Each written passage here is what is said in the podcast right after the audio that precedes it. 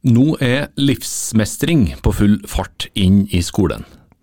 Hva kan det gjøre med elevene som har utfordringer fra før, Trond Buland? Ja, Det er jo selvsagt tidlig å si ennå, det er jo innført som tverrgående tema nå fra høsten. Men det vi ser er at det, det ligger en del ting i livsmestringsbegrepet og sånn det er utforma, som, som, kan legge stein på byrden for, for folk som allerede sliter. Eh, til tross for gode intensjoner og gode teknikker, så blir det en individualisering av, eh, av utfordringer som ofte ikke ligger i individet, men som ligger rundt individet. Og derfor elever som kommer fra eh, hva skal vi kalle det, da, vanskelige sosiale kår eller et eller annet, kan dermed oppleve at man får en når man, når man blir ansvarliggjort for det, når livsmestring legger ansvaret på, den, eh, på eleven i å lære å mestre livet sitt, så kan det bli enda en ting man ikke mestrer.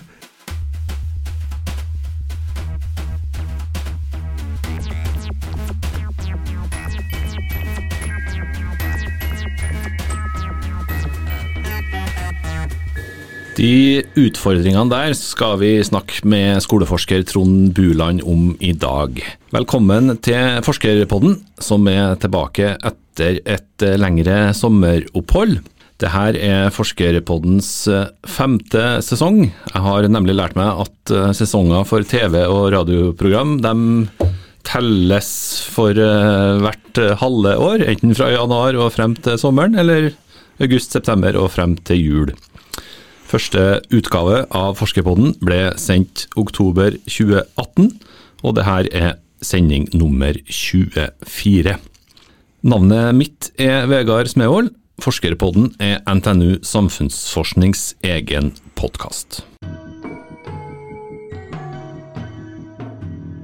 På sesongpremieren har jeg med meg Trond Buland, som er skoleforsker her på Avdeling for mangfold og inkludering og har mange års erfaring i det meste som har med karriereveiledning og karrierelæring å gjøre.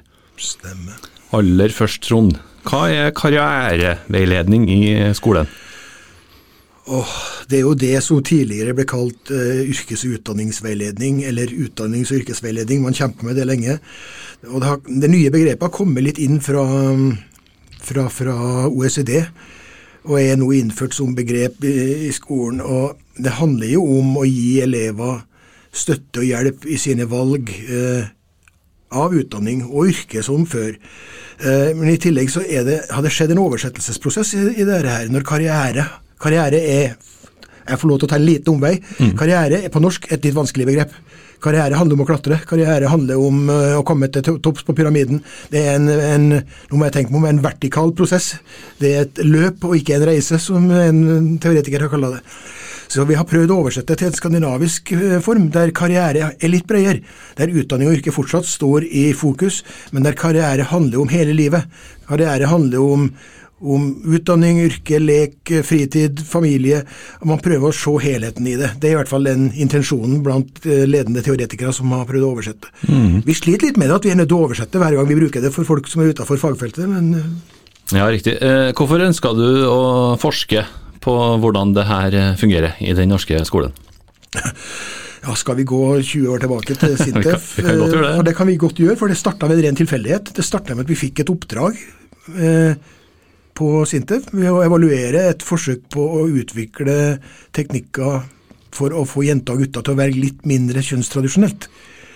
Eh, så der var vi inne i feltet. Og så ble vi i det feltet. Så ble det flere og flere oppdrag på det, og, så, og det har fortsatt helt til nå. Holder nå med, vi holder akkurat nå med på, på en eh, kartlegging av uh, av arbeidsforhold og særlig ressurser for norske skolerådgivere. Så vi har holdt oss innenfor det feltet der. og Jeg pleier å si at uh, det var et uh, fornuftsekteskap, om ikke et tvangsekteskap, så, men så ble det kjærlighet av det. Så man, man ble sittende der. det, mm. ja. Hvor god er yrkes... Eller hvor kjønnsnøytral er yrkesvalg norske ungdommer tar i dag? Nei, De er lite kjønnsnøytrale, ja. De, de er det er veldig, på, det er veldig kjønnsmessige føringer på, på valg. Eh, vi ser at jentene er på vei inn i tidligere mannsyrke, leger, jurist, høy, høyutdanna yrker, ikke på yrkesfag. Eh, på yrk, Som min sønn pleide å, pleide å si, det var ei jente i klassen på elektro. Hun fikk læreplass først da, av alle. Altså. Så det, det, er en veldig skjevhet på yrkesfagene. Det gutta på helse og sosial er, det er mangelvare, og mm, omvendt. Mm, ja. Mm. Hva gjøres det da for å endre på det der? Skal jeg, skal jeg sette ting på spissen, så gjøres det fint lite. Altså det, det har vært en overraskende passivitet og nøling på å ta opp, ta opp problemet. Eh, det har vært en, en, forståelse av at ja, det, er, det er bare naturlig at det er sånn. Og vi skal heller ikke forvente at plutselig at helse sosial skal bli guttefag, snu helt om. Men vi, vi, vi kan jobbe litt for å få opp, uh, få opp andelen en, en, smule, for der ligger mye av hemmeligheten. Det å skape miljøer eh, der det faktisk er flere jenter som jobber i bygg og anlegg på en arbeidsplass. Det er faktisk eh, det beste salgsargumentet overfor flere jenter. Når ryktet begynner å gå om at det er jækla flott å være jente her på den byggeplassen her, det er fint å være jente og elektriker, da sprer det seg fort. I stedet for at en kjedelig rådgiver på skolen sitter og sier at å, men det er så bra. og ja.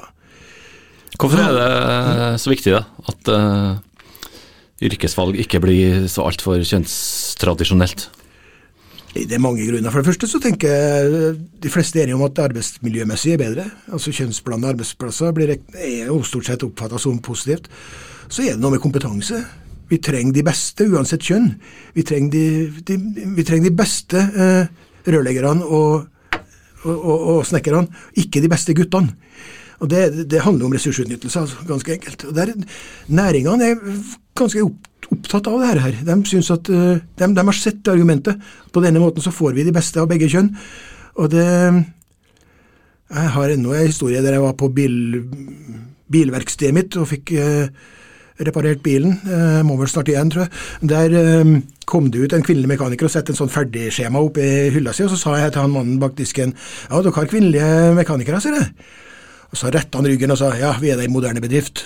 Mm, så det er jo noe imagemessig i det, at mm, mm. Eh, de liker å være litt sånn Så næringene er faktisk eh, kanskje veldig på for å få flere av begge kjønn. Mm. Så du spurte ikke etter eh, hennes mannlige kollega om hjelp? Nei, jeg gjorde ikke det.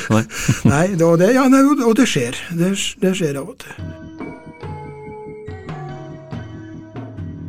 Eh, interessant. Det var for så vidt ikke dette vi skulle snakke om i dag, da, men eh, Nei, jeg det går bra. Du har forberedt meg på det her. ikke sant. Hva er det viktigste du har lært eh, på dine hva du sa, 20 år som eh, forsker? Det må nå være det må nå være mer enn 20 år. Det er kanskje 30? Det viktigste jeg har lært eh, om karriereveiledning, eller det viktigste jeg har lært om karriereveiledning, er at eh, det går fremover. Norsk karriereveiledning i norsk skole, som er det vi selv har jobba på, blir stadig vekk bedre. Um, karriereveilederen får, får, skylda for alt som er galt her, ser det ut for. Får skylda for at folk gjør det man opplever som feilvalg, forferdelig begrep for øvrig. At de får skylda for frafall. altså Det er karriereveileders skyld. Og nei, det har blitt mye bedre. Det, det har, de, begynner å få kompetanse i mye større grad, formell kompetanse i større grad. De øh,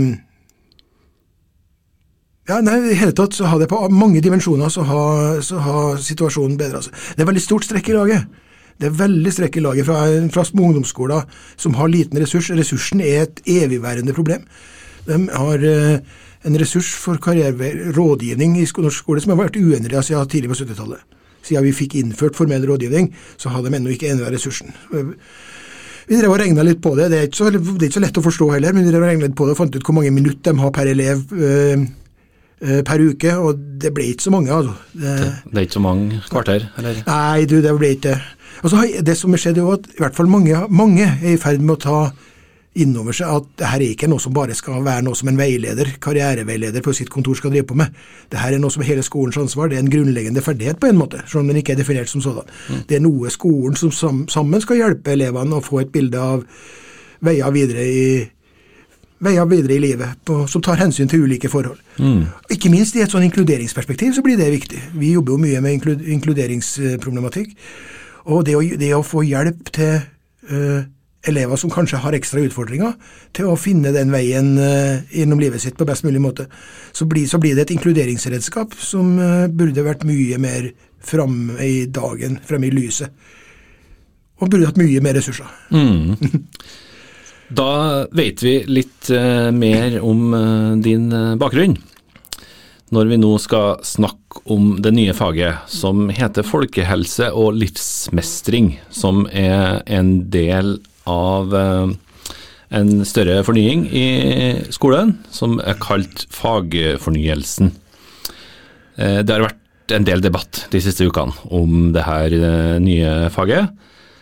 På Utdanningsdirektoratets nettsider så står det at faget skal gi elevene kompetanse som fremmer god psykisk helse, og som gir muligheter til å ta ansvarlige livsvalg. Høres ikke det her eh, bra ut, da? Det høres veldig bra ut. Og særlig når du kom med den siste settingen, ta ansvarlig livsvalg, så tenkte vi som har drevet med karriereveiledning, ja, nemlig. Her eh, kobler vi karriereveiledninga mot eh, et bredere perspektiv, og så har vi det komplette bildet. Så sånn sett, eh, og, og intensjonene er veldig bra, som jeg sa innledningsvis. Det er, det er ingenting feil med det som står der. Det er noe mer og Det er for tidlig å si hvordan praksis blir, egentlig, for det, det blir mange forsøk. Det vi ser på mange av de forsøkene, er at de blir veldig, de blir veldig psykologisert. Det blir veldig snakk om psykisk helse. Mm. Livsmestring må jo nødvendigvis være mer enn bare psykisk helse. Det blir veldig mye eh, snakk om mestringsteknikker. Eh, ja, den, den slags positiv psykologivinklinger på det. Man må bare lære seg å håndtere vansker. Og Der ligger jo en av mine uroer med det, at det blir et veldig individualiserende fag. Det blir, eller det er ikke et fag, det er en tverrgående Jeg husker ikke hva begrepet er en gang her nå, det ser du, ser du forskerne er oppdatert. Men i hvert fall det skal være et tverrgående tema. Folkehelse og livsmestring. og livsmestring, ja. Mm. Og så har det blitt mange plasser der det er forsøkt, så er det blitt definert som fag, eller omarbeida til et fag. Det har veldig stor fortolkningsmessig fleksibilitet. Altså Det er opp til den enkelte som får det her i fanget, hvordan du praktiserer det, mm. ser det ut for. Det er ikke matematikk eh, fra åtte til ti, gym fra ti til tolv, og så er det folkehelse og livsmestring etter lunsj. Det er ikke nei, sånn det fungerer. Nei, det, det, det, er ikke det. Og innholdet i det blir jo litt forskjellig. altså fra mer sånn banale sånn power posing og hva de nå kaller det, teknikkene. Det blir veldig sånn teknikker på hvordan mestre ting. Og der ligger uro mye av uroen min i det, at det blir det der individualiserende fokuset. Det blir det der eh, fokuset på at det er du som individ, som enkeltelev, som må lære det å mestre hvis noe er vanskelig. Og hvis du underforstått, hvis du ikke mestrer, hvis du ikke klarer det, ja, da er det de skyld, det òg. Da er det ditt ansvar, for det er du som ikke har mestra. Og Det det syns jeg er en urolig utvikling som vi ser på mange nivåer. Samme kan du si om karriereveiledning, karrierelæring. Hvis det får en feil, feil vinkling, så blir det sånn Ok, du har ikke fått gjort et godt valg, da er det ditt problem. Da er det du som uh, ikke har den karrierekompetansen, eller livsmestringskompetansen som skal til. Så det blir et sånn individuelt prosjekt. Mm. I stedet for, for, å legge vekt på at ja, men mange sliter, mange har det, det, er andre ting, det, det, er ting som ligger utafor deg sjøl, som, som faktisk virker inn. Du er ikke, ba, du er ikke din egen lykkes med. Vi vet jo ikke helt hvordan det her kommer til å gå ennå, selvfølgelig. Det går bra. Men du vil gjerne bruke den anledningen her da, til å rope et lite varsku, som forstår jeg. Ja, det er nok tidsnok til at vi kan eh, styre unna de verste, i hvert fall. At vi kan faktisk få lagt inn mer vekt på kollektiv handling, på kollektiv innsats. At man står sammen om livsmestringa si. At skole, barn, foreldre du, du kan ikke be en tolvåring om, om, å mestre livet ditt alene. Det er ikke tolvåringens oppgave engang. Det Det er tolvåringens oppgave å få hjelp til å mestre livet sitt der han trenger hjelp. Og There is such a thing as society, samme hva Thatcher sa. Og samfunnet påvirker. Av og til påvirker samfunnet mer, av og til påvirker det mindre. Det er ikke sånn at du, hvis vi tar tilbake til karriereveiledning, at du alltid kan velge at det, det er opp til deg. Bare du velger rett, så går det bra. Og alt er mulig. Ja, Alt er mulig, men noe er atskillig vanskeligere enn andre ting. Mm. Eh, hva er det du og dine kolleger kan gjøre for å påvirke hvordan skolehverdagen blir utover høsten og vinteren? Hmm. Det var da et uh, fælt spørsmål, da. ja, Nei, jeg, vi må jo bare prøve å forske mer, finne ut mer om hvordan ting fungerer. Vi må prøve å spre det vi finner ut. Vi må prøve å formidle våre, våre bilder og alternative bilder av virkeligheten. Mm. Men jeg blir jo av og til litt sånn eh, ikke skeptisk, men jeg blir litt nøktern med tanke på hva forskeren kan gjøre, i hvert fall på kort sikt. Det, vi må nå bare drive på. Mm. Hva, er det, hva, er det, i din uh, forskning og din erfaring da, som uh, tilsier at det her uh, potensielt kan være problematisk? Det er noe med at det er deler av en større samfunnsmessig trend. De kaller det nyliberalisme, eller hva det hva nå er ordet på det. Men det, det, gjelder så mye annet. Så det passer så godt inn i et sånt stort bilde av at mer og mer i samfunnet blir individualisert. Vi ser bort fra de samfunnsmessige, samfunnsmessige årsakene, samfunnsmessige sammenhengene. Vi legger individ, ansvaret over på individet. Det er opp til deg å fikse det. Så det passer så godt inn i en sånn trend. og det vi, noen snakker jo om terapisamfunnet og uh, at, at, at, den slags tankegang mm. uh, tar, får veldig stor innflytelse i, på mange områder. Er det litt amerikansk påvirkning? Ja, det er nok uh, litt amerikansk påvirkning, ja. Jeg vet han Sven Brinkmann har skrevet jo strålende om det her, i, i, sine bøker, om den her selvhjelpsfilosofiens fallitt og, og terapisamfunnet og ja alltid være vellykka. Mm, mm. Som blir en, ny, en ekstra belastning mm. på individet. I USA er det kanskje litt sånn at uh, alle kan bli president så lenge de jobber hardt nok, og hvis du ikke blir det, så, ja, så er det det det er noe gærent med? Alle kan bli president så lenge de har 30 milliarder i, ja. i bakhånd.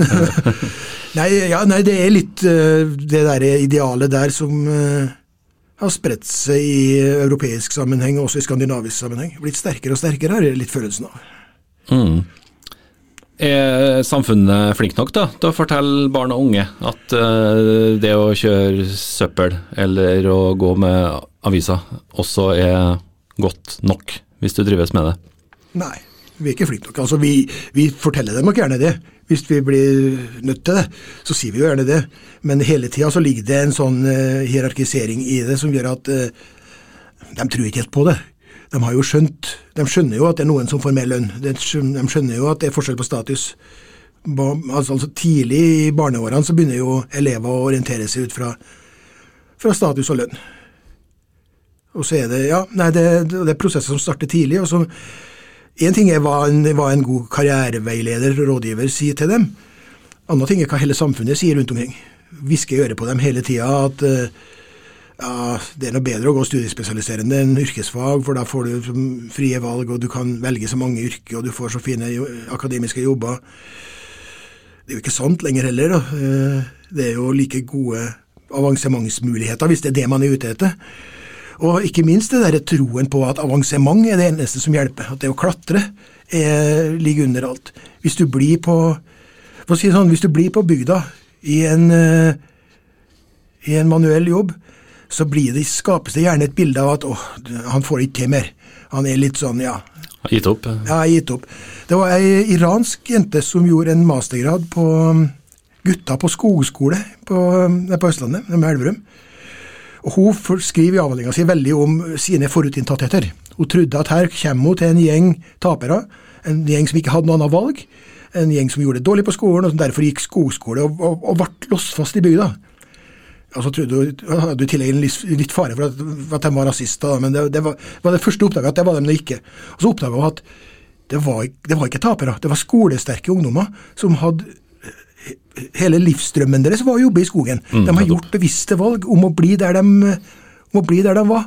Ikke klatre ut av samfunnet, ikke klatre bort fra eh, bort fra røttene sine. Det var tvert imot. De, de hadde hele livet ønska å jobbe i skogen. Mm. Det var en liten digresjon, men eh, Jo, men er det sånne historier da, som vi må bruke til å inspirere de som jobber med skole? At uh, vi ikke bare må dyrke enerne, men uh, vi må ta vare på ja, jeg tror absolutt det. Alle? Det er et, eh, et bygd by-fenomen òg. Jeg vet Det var ei på lærerutdanning som skrev en mastergrad om, om gutta og yrkesvalg. Der hun intervjua gutta i utkantskommuner i den gang Sør-Trøndelag. Og så intervjua hun gutta i sentrumsnære områder i Trondheim. Og hun fant to helt ulike verdener. Hun fant uh, på bygda. Samtlige av de guttene intervjua skulle ta yrkesfag, hadde planer for hva de skulle gjøre. De skulle ta over småbruket, og de skulle bli lastebilsjåfør. Eh, de hadde klare planer og gjorde bevisste valg. Mens guttene i byen, de eh, så på yrkesfag som eh, en, en straff. Nesten like ille som bonde. Det, men det var, det, det var, liksom over kanten, da. Men, så det, handler om informasjon, og det handler om å gi, noen, noen, gi dem noen forståelser av at vi er ikke låst fast, vi kan bygge på uh, Hvis vi nå får lyst på en annen karriere, så kan vi bygge på et yrkesfag like godt som, uh, som noe annet. Med et fagbrev som elektriker så kan du bli ingeniør med tida. Så det å, å bli bevisst de der mulighetene som faktisk finnes, som er, og det er en av de gode tingene med norsk skole, at mulighetene har blitt mye mer eh, distribuert. Det har blitt mye mer like muligheter for å f.eks få seg høyere utdanning. Ingeniørene på gamle NTH sa jo i sin tid, da jeg begynte mens det ennå het NTH, sa jo ennå at vi skulle hatt så mange flere studenter her som har bakgrunn i, i faget, som har fagbrev, som vet hva en hammer brukes til. Det, ja, og der, der, er mulighetene til stede i Norge nå. Mm. Du er fra Selbu sjøl. Du, ja. du visste kanskje hvordan en hammer hvordan en bruker en hammer du da du kom ja, til byen? Jeg, jeg, gjorde det, jeg gjorde det, men likevel så valgte jeg ikke det. da. Jeg hadde mor som var lærer, så det var liksom Men da var skepsisen. Altså, i bygda så sa folk eh, Hva du nå skal på gymnaset etter, da? Vi har da ikke bruk for så mange lærere oppi her. Altså, De så nytten i dem som valgte yrkesfag. Og vi misunte dem litt, for de skulle snart ha lønn, dem. Om et år eller noe sånt så var det vi jobb, mens vi gikk nå der og visste ikke hva vi skulle bli. Mm.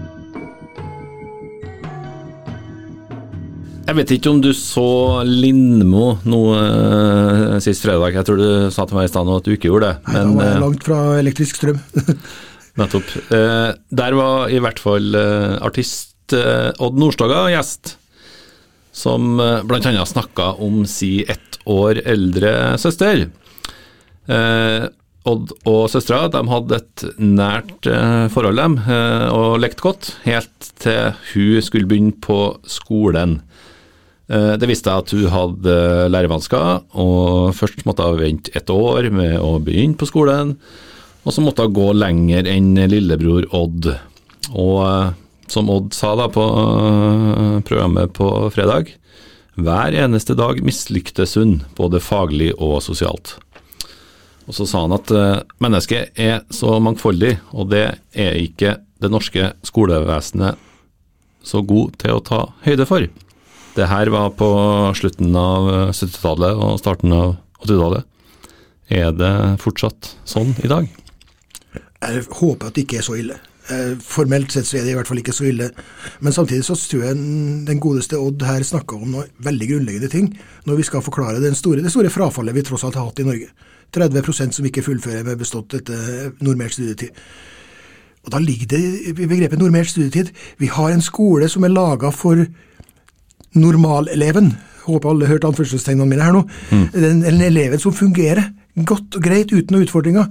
Og vi har for lite fleksibilitet. Vi skjønner ikke at, som en rådgiver vi intervjua en gang sa, det er ikke mange nok normale i Norge til å gå gjennom den normalmodellen. Du skal gjøre unna på to pluss to hvis du går på yrkesfag, to år i skole, to år i lære, tre år på skole hvis du går, hvis du går allmennfag. Og du skal ut til samme eksamen eh, på samme tid. Hvis ikke så er det noe galt med deg. Da er vi tilbake på det. Og jeg tror nok norsk skole har blitt mer fleksibel, men fortsatt så holder vi på den der normalmodellen. Vi skal få flest mulig gjennom til minst mulig kostnad.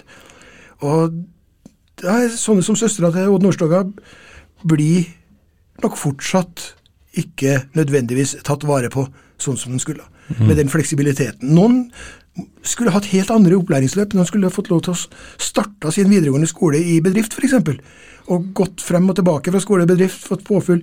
Man skulle ha fått lengre tid, man skulle ha fått uh, tilpassa pensum i større grad. Det er mye som kunne gjøres, og mye gjøres òg, men det er fortsatt en del igjen. og Jeg tror det går nettopp på det, med, på det han påpekte, at uh, vi er for lite fleksible. Vi tror at uh, folk er en slags maskiner som bare skal gjennom samme modellen. Mm. Er skolen for alle i 2020? Ja, Godt spørsmål. Ja, Den er jo ikke det. Det, jo en, det er jo en god del som faller utenfor, det vet vi jo. Uh, vi vet at uh, funksjonshemma grupper har problemer med å komme igjennom, vi vet at uh, andre òg sliter. Så skolen er nok for alle, men den må bli mer fleksibel, ta høyde for seg at alle er mye mer forskjellige enn det vi har trodd. Det er mye mer variasjon mellom elever. Det er mye mer eh, ja, ulikhet. Mhm. Og det er ikke norsk skole verdens flinkeste til å ta, til å ta høyde for, tror jeg. Vi har uh, hoppa litt uh, fra hovedtemaet innimellom. uh, det er bare fint. Men uh, 10 000-kronersspørsmålet, da, hvis vi skal kalle det det til slutt, blir jo Hjelpe det tverrfaglige eh, prosjektet, skal vi kalle det, folkehelse og livsmestring på det her.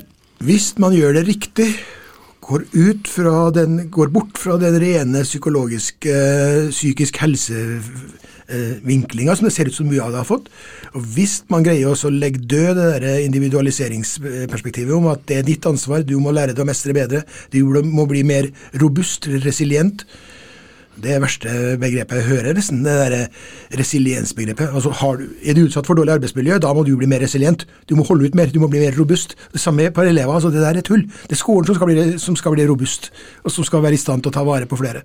Og Hvis man gjennom livsmestring klarer å bidra til det, så tror jeg det her vil, eh, så vil det kunne fungere bra. Og hvis man da får gjort den koblinga mot karriereveiledning, karrierelæring, enda tydeligere. Fordi det handler jobb, yrke og utdanning er, er faktisk viktige deler av livet til folk. Veldig viktig, er kanskje særlig i Skandinavia, viser jo studier. Mm. Vi syns det er viktig å ha en god jobb. Så vil jeg tro eh, NTNU samfunnsforskning vil følge med, da, hvordan det her går fremover. Vi vil nå prøve. Vi er, oppdraget, vi er, vi er vi er et oppdragsforskningsinstitutt og er avhengig av hva vi får, men vi er jo på det feltet. og Vi, jobber jo med inkludering, med funksjonshemming, med grupper som nødvendigvis står i fokus i, i, i, i de problemstillingene her. Mm. Så da kan det hende at uh, du uh, kommer tilbake her i studio om uh, ett år, to år, og snakker jo om en fersk evaluering. Håper det, men ja. Jeg vil som sagt på med en evaluering nå som går på rådgivernes ressurssituasjon. Og det, ja, Vi får se hvor interessant den blir. Tusen takk for en interessant prat, Trond Bulland. Hvis du ikke hadde noe Nei, nå, mer å tilføye? Nå er jeg ferdig snakka. For, for nå. Navnet mitt er Vegard Smevold. Du har hørt på Forskerpodden, som er NTNU Samfunnsforsknings egen podkast. Vi høres neste gang.